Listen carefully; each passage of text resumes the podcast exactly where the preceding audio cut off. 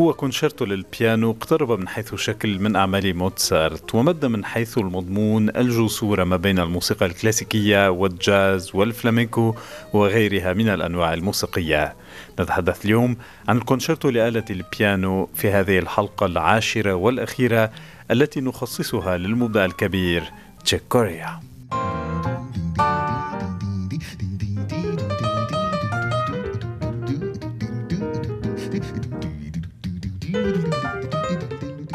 الحلقة العاشرة نعم عشر حلقات خصصناها مستمعين لهذا المبدع الكبير تشيك كوريا.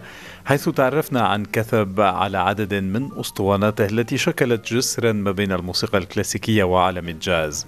وكان بإمكاننا أن نخصص المزيد والمزيد من الحلقات حول هذا الموضوع إذ أن إسهامات تشيكوريا على هذا الصعيد غير محدودة بما تحدثنا عنه حصرا لا بل على العكس.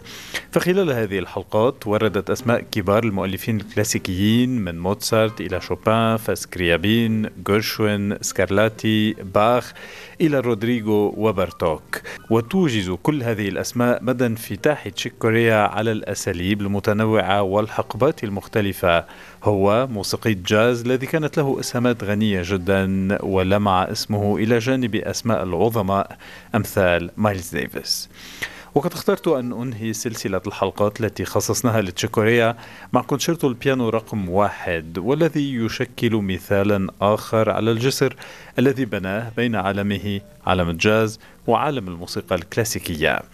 ويقترب فعلا هنا كوريا من الحقبة الكلاسيكية تلك التي امتدت بين عام 1750 العام الذي توفي فيه يوهان سيباستيان باخ والمرحلة الثالثة من حياة بيتهوفن بداية القرن التاسع عشر.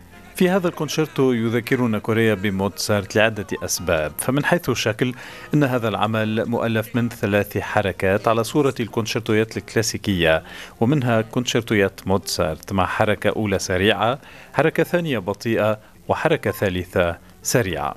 وتحديدا فقد جاءته فكرة تأليف كونشيرتو للبيانو بعد قيامه عام 81 بتأدية الكونشيرتو لآلتي بيانو بمقام E flat major من تأليف موتسارت مع العازف الكلاسيكي الكبير فريدريش جولدا تحت قيادة المايسترو نيكولاوس أرنونكور ومرافقة أوركسترا كونسرتخيباو إن هذه التجربة تجربة العزف وأنا محاط بتلك الألحان وبهذا المستوى العالي من الفن أدهشتني. كما يقول كوريا ليتابع منذ ذلك الحين أردت أن أختبر بنفسي الموسيقى الأوركسترالية.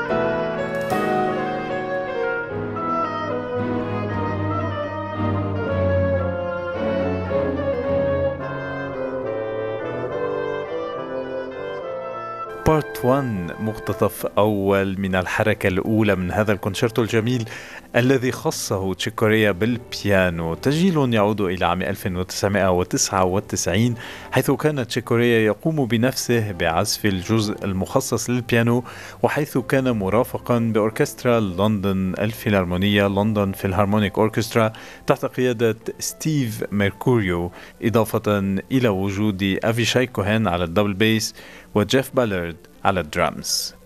وفي هذا الكونشيرتو مصادر وحي عديدة ومتنوعة.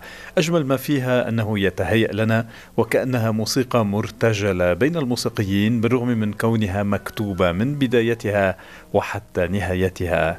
وبين الأجواء التي يذكرنا بها كوريا أجواء الموسيقى الإسبانية الأندلسية ومعها إيقاعات الفلامينكو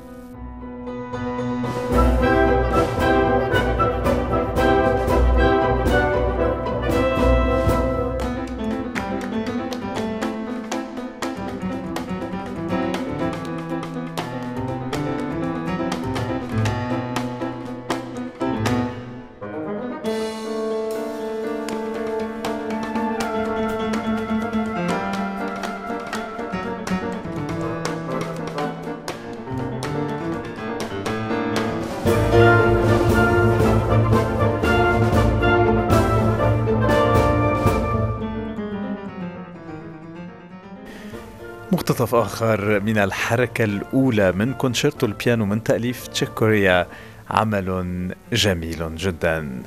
وإن قام كوريا بتسجيل العمل عام 1999 فإن فكرة تأليفه تعود إلى عام 86 حين عزف للمرة الأولى. ويعترف كوريا بأنه لم يمنح نفسه الوقت الكافي كي تصل الخبرة التي اكتسبها على مستوى التأليف الأوركسترالي لعمل ضخم إلى ذروتها. والنتيجة لم تكن فعلا مرضية بالنسبة إليه خاصة على مستوى التوزيع الأوركسترالي. وقرر بذلك عزف البيانو وضع هذا العمل جانبا. وبعد عشر سنوات على ذلك قام زميل له بإعطائه بعض النصائح المفيدة التي ساعدته على تحسين الأجزاء الخاصة بالأوركسترا.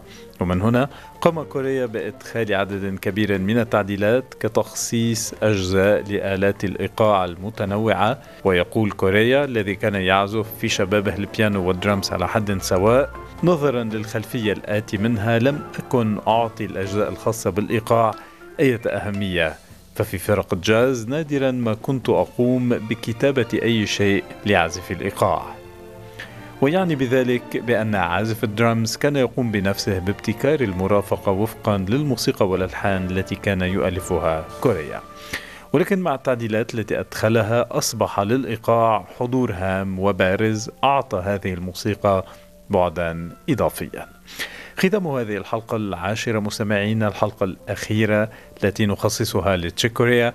سيكون مع الحركة الثالثة من هذا العمل. ننهي معه هذه التحية التي أردنا تخصيصها وتوجيهها لروح تشيكوريا الذي توفي في شباط الماضي تاركا إرثا موسيقيا ضخما سيبقى دون شك للأجيال القادمة.